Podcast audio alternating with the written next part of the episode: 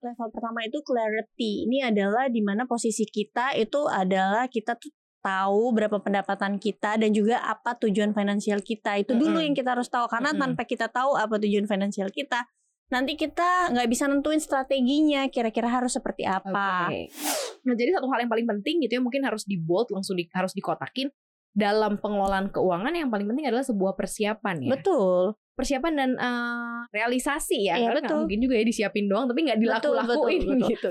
Net worth itu adalah aset kita dikurangi Mhm. dengan semua hutang-hutang kita. Kalau misalnya net worth kamu bertambah besar dibanding tahun lalu, berarti kamu sudah on track.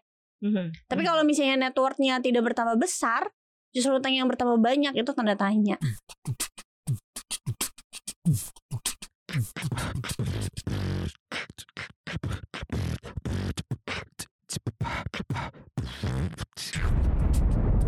Cuap-cuap cuan.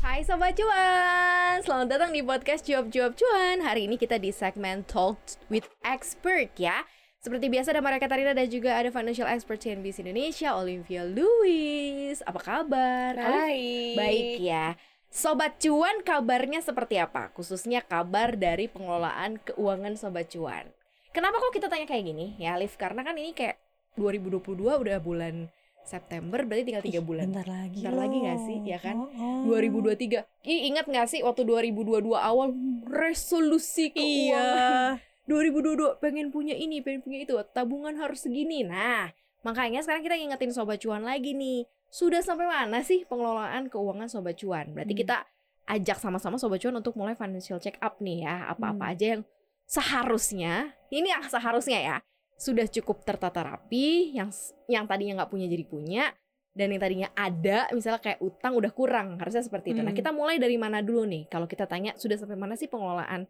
keuangan sobat Oke. cuan? Starting point yang harus kita lihat apa dulu nih? Oke, jadi kalau misalnya kita ngomong kita tuh sebenarnya ada di mana gitu ya. Mm-mm. Berarti kan kita ada di level finansial apa. Ya. Nah, level finansial itu ada macam-macam. Cuma aku nih pakai yang dari Pak Sabatir punya aja karena beliau adalah Sabatir, oh iya, ya, iya, iya, penulis know. buku dari Financial Freedom gitu ya. Ya. Untuk kita hidup sebagai manusia itu ada tujuh level Mm-mm. uh, finansial untuk kita mencapai ke titik yang tertinggi yaitu financial freedom Yes, gitu ya. ya. Yang pertama, level pertama itu clarity. Ini adalah di mana posisi kita itu adalah kita tuh tahu berapa pendapatan kita dan juga apa tujuan finansial kita. Itu dulu Mm-mm. yang kita harus tahu karena Mm-mm. tanpa kita tahu apa tujuan finansial kita, nanti kita nggak bisa nentuin strateginya kira-kira harus seperti apa. Oke.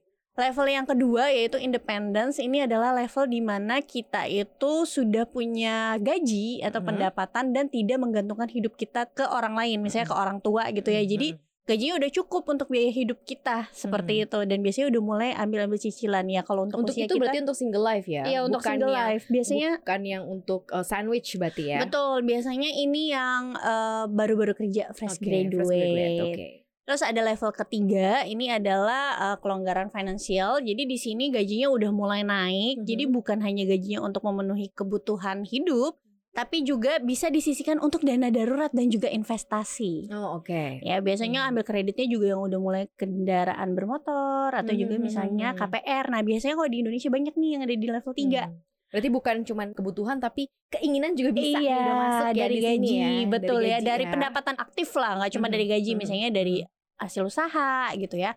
Lalu di level keempat itu ada yang namanya stabilitas. Jadi di level ini di mana kita itu udah posisinya punya enam bulan dana darurat. Jadi Oke. karena tadi di level 3 kita udah sisihin tuh dari pendapatan kita Mhm. untuk dana darurat dan juga investasi jangka panjang, di level 4-nya udah cukup nih dana daruratnya Mhm. selama enam bulan. Seperti itu ya. Mhm. Nah, di sini biasanya kita udah nggak terlalu khawatir apabila terjadi keadaan darurat karena kita udah punya bumper gitu ya. Amit-amit misalnya di PHK, oh kita masih bisa lah memenuhi kebutuhan hidup kita Oke. selama enam bulan ke Mhm. depan Mhm. seperti itu. Dan juga hutang nih biasanya udah mulai terkendali Mhm, gitu mhm. ya.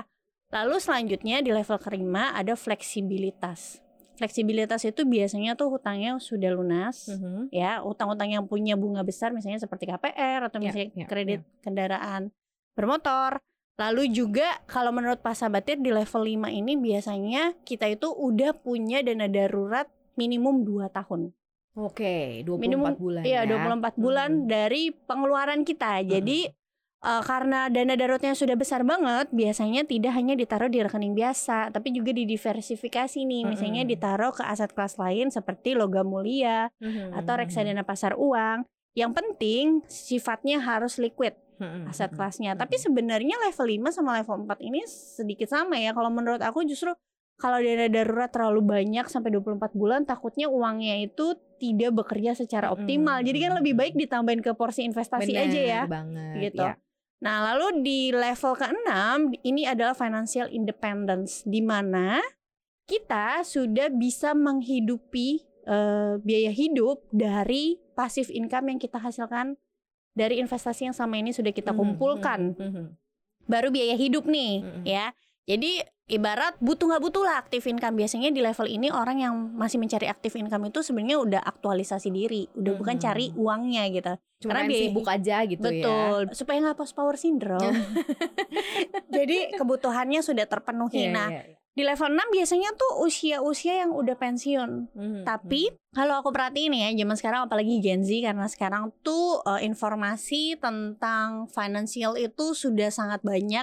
Jadi aku lihat anak-anak muda zaman sekarang itu kayaknya bisa untuk mencapai financial independence lebih Mhm. cepat Mhm. dibanding usia pensiun gitu. Mhm. Kalau misalnya mereka bisa konsisten menyisihkan sebagian besar pendapatannya untuk investasi dan Ya, juga kalau ya. posisinya tidak sandwich generation ya, balik itu lagi perlu di note ya. Nah, level yang terakhir yang tertinggi ini adalah abundance. Jadi Mhm. kemewahan, keberlimpahan. Bedanya apa sih sama uh, financial, Financial independence, independence. yang Mhm. sebelumnya itu yang Mhm. level 6? Bedanya adalah kalau abundance ini kita tuh bukan hanya bisa membiayai biaya hidup yang pokok aja, tapi juga bisa membiayai gaya hidup Mhm, dari passive income yang kita hasilkan dari investasi. mhm. Misalnya dari sewa properti atau dividen saham atau obligasi, bukan cuma biaya hidup tapi juga gaya hidup Iya, iya, iya, iya. plesiran, beli tas mewah, dan juga bisa diwariskan atau diturunkan ke generasi berikutnya. Nah, kira-kira Hmm. sobat cuan sekarang ada di posisi mana? Aku taunya yang tadi yang keberlimpahan pasti Palo Kenghong. Salah satunya. Salah satunya. Iya. Kelu bangun pagi-pagi minum kopi di bawah Iya. pohon dengan santai, Iya, baca laporan betul. keuangan, lihat dan lain-lainnya. Tapi bisakah kita menuju ke sana begitu ya? Sebenarnya bisa, Palo Kenghong aja bisa. Nah, kita kan anggaplah nih ya pendengar kita milenial eh, Gen Z mungkin kalau Alpha belum kali ya, masih belum. Mereka Hmm. kan dari eh, tahun 2000-an up ya. Kita ke Gen Z dan juga milenial Hmm. nih. Berarti usia-usia sekitar mungkin eh, 25, 20 sampai 40 Iya, tahun ya. sampai begitu 40. ya. Itu berarti masuk biasanya nih masuk ke mana? Level 3 tadi itu ya? Level 3, level 4. level 3, level Mm. 4. Kan hidup kayak berubah ya, kayak setiap tahun nih berubah. Misalnya, eh, yang tadinya belum nikah, eh nikah ternyata Mm-mm. tahun ini.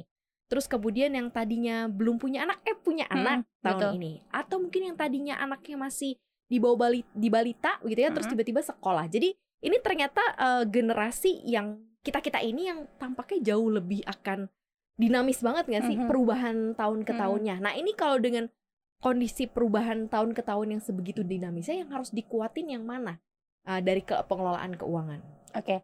Yang harus dikuatin sebenarnya menurutku eh, di usia-usia kita ya, ada empat. Mhm. Jadi kalau untuk mau mencapai ke level ketujuh nanti harus ada empat nih. Yang pertama adalah udah pasti efisiensi ya, pengeluaran. Jadi ya boleh nggak punya gaya hidup atau misalnya punya Mhm. hobi ya boleh, tapi secukupnya kita harus tahu juga ketahanan eh, keuangan kita. Yang kedua adalah jangan hidup dari paycheck to paycheck, maksudnya dari gaji ke gaji gitu ya. Kalau bisa punya side hustle gitu. Ibarat kalau ya udah deh gaji itu eh, s- 50% untuk eh, biaya hidup kita, tapi kalau kita punya side hustle means ada spare lebih banyak lagi untuk kita siapin passive income di hari tua nanti Hmm, gitu ya, hmm. investasi. Itu yang kedua, yang ketiga jangan lupa proteksi. Mhm.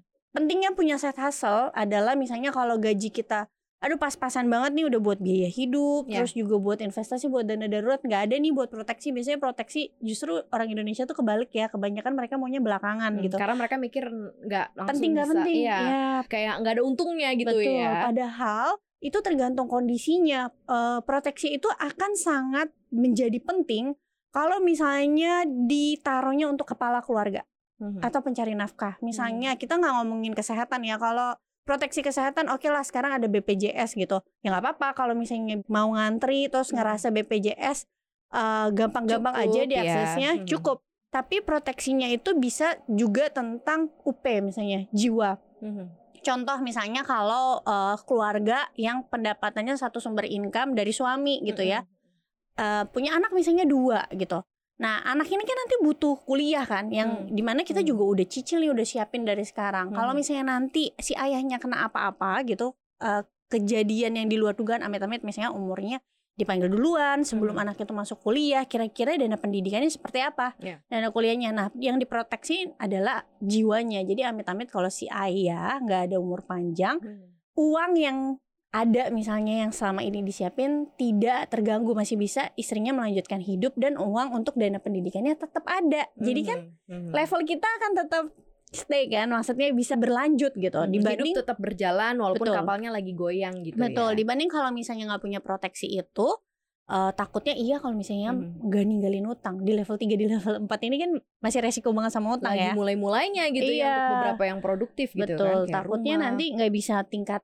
level juga nah yang keempat adalah ya udah pasti investasi investasi Hmm. ya dengan dinamisnya kehidupan yang per tahunnya mungkin berbeda Hmm. gitu ya dan dengan tujuan-tujuan kehidupan atau goals yang berbeda itu tuh yang Iya. harus eh, dikencengin. Nah, kalau misalnya nih kita ambil satu case ya, eh, Olivia. Misalnya eh, tadinya baru jadi eh, newlyweds. Ini Hmm. rata-rata mungkin banyak yang newlyweds. betul Terus kemudian anak eh, mengandung eh, istrinya. Hmm. Kan berarti udah ketahuan nih 9 bulan lagi Iya. akan ngelahirin. Terus kemudian eh, akan ada banyak biaya-biaya. Kalau misalnya cari side hustle, misalnya sesuatu yang mustahil, misalnya cepat untuk Mhm, dilakukan itu udah mustahil, dengan eh, salary yang ada, apa yang harus dilakukan? Tambah pos kah? Artinya kan tadinya ada 50, 30, 20 Hmm. gitu ya. Apa 50-nya dikurangin, eh, konsumsi dikurangin jadi 30 atau jadi Mhm. 40, terus kemudian dinaikin ke Hmm. pos yang satunya Iya, lagi iya, iya. eh, apa fast tracknya gitu ya untuk Iya. menyikapi kondisi bahwa oke 9 bulan lagi gue akan punya banyak Betul. pengeluaran dan harus disiapin Hmm. nih gitu kan sesuatu yang akan akan uh, Iya. dialamin Berarti yang harus dikurangin itu adalah jatah uang mainnya atau uang hobinya, ya Hmm. kan? Kalau misalnya kira-kira nih kebutuhan pokoknya itu udah nggak bisa dikurangin lagi. Misalnya kayak sekarang karena BBM itu naik, harga kebutuhan pokok juga banyak naik kan. Kita ke groceries dulu berapa, sekarang berapa, seperti itu. Nah yang ini nggak bisa dikurangin ya, berarti biaya mainnya yang dikurangin. Tadinya sering bela- eh, jajan di restoran ya udahlah mulai apa makannya lebih Mhm. sering di rumah Mhm. seperti itu. Itu kan yang bisa dikurangin. Nah posnya kalau bisa harus dipisah karena ini 9 bulan maka kita harus cari misalnya instrumen investasi yang kira-kira dalam 9 bulan itu dia fluktuasinya tidak tinggi dan Mhm. cenderung aman gitu ya Mhm. ya berarti taruhnya misalnya di reksadana pasar uang Yes. kenapa ditaruh di situ karena supaya tangannya nggak gatel nah biasanya sekarang aplikasi aplikasi reksadana pasar uang itu udah ada hitungannya kan kira-kira contoh misalnya kita melahirkan ini cuma contoh ya eh 10 juta misalnya butuh dana 10 juta 9 bulan lagi. Oke, berarti kita breakdown di aplikasi itu ada kalkulatornya untuk mencapai 10 juta berapa yang harus kita sisihkan setiap bulannya. Itu harus disisihin sih karena Hmm. supaya nggak kaget. Mhm. Lebih baik Mhm. disisihin setiap bulan. bener sih Iya. supaya nggak kaget Iya. ya walaupun mungkin ah rencananya normal karena kan ini Iya. sesuatu hal yang tidak terduga betul, ya betul. rencananya normal eh ternyata tiba-tiba Iya, betul. eh, jadi sesar Betul. itu udah dipersiapkan Hmm, betul. gitu ya Apalagi kalau misalnya contoh nih biasanya kan kalau orang yang pekerja itu punya THR atau gaji ke-13 gitu ya atau gaji ke-13, gaji ke-14. Dilihat aja kalau misalnya di tengah kehamilan itu si suami punya bonus-bonus itu lebih baik langsung disimpan gitu. Mau nanti dipakai atau enggak uangnya yang penting jaga-jaga dulu. Toh kalau nanti kalian nggak kepake kan kalian bisa pakai untuk liburan iya bener sama sih anak. Jadi prepare pentingnya preparations Heeh, ya. Berarti nah, jadi satu hal yang paling penting gitu ya mungkin harus di bold langsung di, harus dikotakin dalam pengelolaan keuangan yang paling penting adalah sebuah persiapan ya. Betul. Persiapan dan eh, realisasi ya. Iya, Karena betul. mungkin juga ya disiapin doang tapi nggak dilaku-lakuin gitu ya. Karena kalau nggak disiapin itu biasanya jadinya bias sih. ya benar, Nah, benar. jadi kayak benar. Bingung kan apa berapa? Kalau kita punya Mm-mm. targetnya misalnya uh, target itu kan bisa jangka pendek jangka menengah jangka panjang. Oke Mm-mm. jangka pendeknya katakanlah mau siapin uh, dana nikah. Saya berapa nikahnya? Oke 100 juta. Kapan? Dua tahun lagi misalnya. Hmm. oke uh, pakai kalkulator finansial untuk mencapai 100 juta dengan reksadana pasar uang misalnya karena dua tahun lagi atau reksadana pendapatan tetap. Asumsi uh, returnnya 5% per tahun berarti berapa yang saya harus siapkan setiap bulannya? Mhm. kita sisihin kayak gitu Oke, dan udah banyak kok ya sebenarnya cara penghitungan-penghitungan Banyak, apa banyak, banyak. aplikasi gitu. Jadi kalau kebingungan gitu Mm-mm. ya, mesti harus nanya siapa, coba aja Cari aja financial calculator. Yes, Heeh. bisa juga di situ. Nah, sekarang udah tinggal sisa last three months di 2022 Iya. nih ya kan. Nanti 2023 muncul lagi dengan resolusi Betul. 2023 ya. Nah, di sisa tiga bulan ini uh, which is yang harus kita lihat apa dulu nih? Lihat dari apa cash flow kamu gimana, hutang gimana nih, apa nih mungkin yang harus Oke. diperhatiin. Yang pasti evaluasi ya. Ya. Nih udah 9 bulan gimana nih? Tabungannya tambah banyak nggak? Investasinya Ya. tambah banyak nggak? Hutangnya berkurang nggak? Karena ini akan berpengaruh terhadap net worth. Net worth itu adalah aset kita dikurangi Mhm. dengan semua hutang-hutang kita. Kalau misalnya net worth kamu bertambah besar dibanding tahun lalu, berarti kamu sudah on track. Mhm. Tapi kalau misalnya net worth-nya tidak bertambah besar, justru hutang yang bertambah banyak itu tanda tanya. Hmm.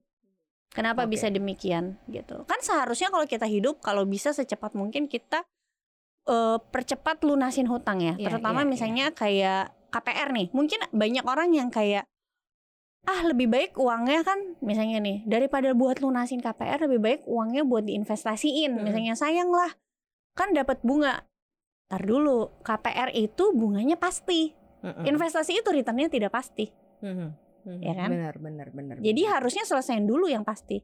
benar, sen Nah, KPR-nya dulu. berarti. minimal kalau misalnya nggak langsung lunasin semua ya kalau lunasin semua mungkin untuk jaga cash flow juga eh, berat ya dibagi aja misalnya jadi berapa tahap dua tiga tahap kalau misalnya kita bayar pokoknya kayak misalnya 30% dulu dari pokok itu kan nanti bisa mengurangi cicilan, tiap bulannya Cicilan Mm-mm. tiap bulan. Kalau cicilan tiap bulan juga bunga yang harus dibayarkan juga akhirnya lebih betul kecil gitu ya. Mm-mm. Jadi concern aja di di di tabungan kamu nambah atau enggak, investasinya berkembang atau tidak, iya hutang networknya kamu, gimana ah, net worth-nya gimana dan eh, hutang kamu oh, semakin tipis nggak, semakin kecil nggak gitu. Iya. Kalau makin nambah ya berarti ada yang salah. Tapi kalau kalau menurut aku sih kalau sebenarnya kamu punya jawaban terhadap permasalahan-permasalahan itu, which is kamu udah berarti kamu Betul. sehat dalam Betul. memutuskannya. Jadi kamu udah tahu nih the way out-nya seperti Mm-mm. apa. Oh tabungan gue kurang karena eh, kemarin mungkin tiba-tiba ada kondisi yang mendadak gitu bisa ya. iya Jadi kamu bisa perbaikin lagi di situ karena kamu Betul, tahu betul. jawabannya. Mm-mm. Yang masalahnya kemudian nggak bisa apa namanya yang yang nggak tahu jawabannya ini kemudian yang Iya, jadi PR iya. untuk pengelolaan ada orang berikutnya. yang misalnya tahun ini pendapatannya naik signifikan gitu tapi kok ternyata net worth-nya malah nggak naik ya? Nggak ada- ke mana? Nah Ah, itu. ke mana? Iya. Ketika kamu nggak tahu jawabannya itu sebenarnya yang jadi PR Jadi Betul. sebenarnya kamu ketika kamu udah tahu oh ini eh, ke mana sih larinya? Nah, kamu udah tahu jawaban untuk kamu nyelesainnya Iya. seperti apa. Kita mah guidance aja ya Iya, kan? betul. kita cuma kasih pengingat aja buat Nah. sobat cuan ya. Oke gitu kali ya sobat cuannya untuk mendekati tahun 2023 yang penuh dengan gairah dan semangat dan harus lebih baik lagi pengelolaan keuangannya sisa tiga bulan ini yuk fokus yuk lihat seperti Hmm. apa kondisi dari keuangan kamu Terima kasih banyak ya udah dengerin podcast kita hari ini. Jangan lupa dengerin konten podcast kita lainnya di Apple Podcast, Google Podcast, Spotify, dan juga Anchor. Jangan lupa juga untuk follow akun Instagram kita di @cuap underscore cuan dan subscribe YouTube channel kita di cuap cuap cuan, di like, di share, di komen.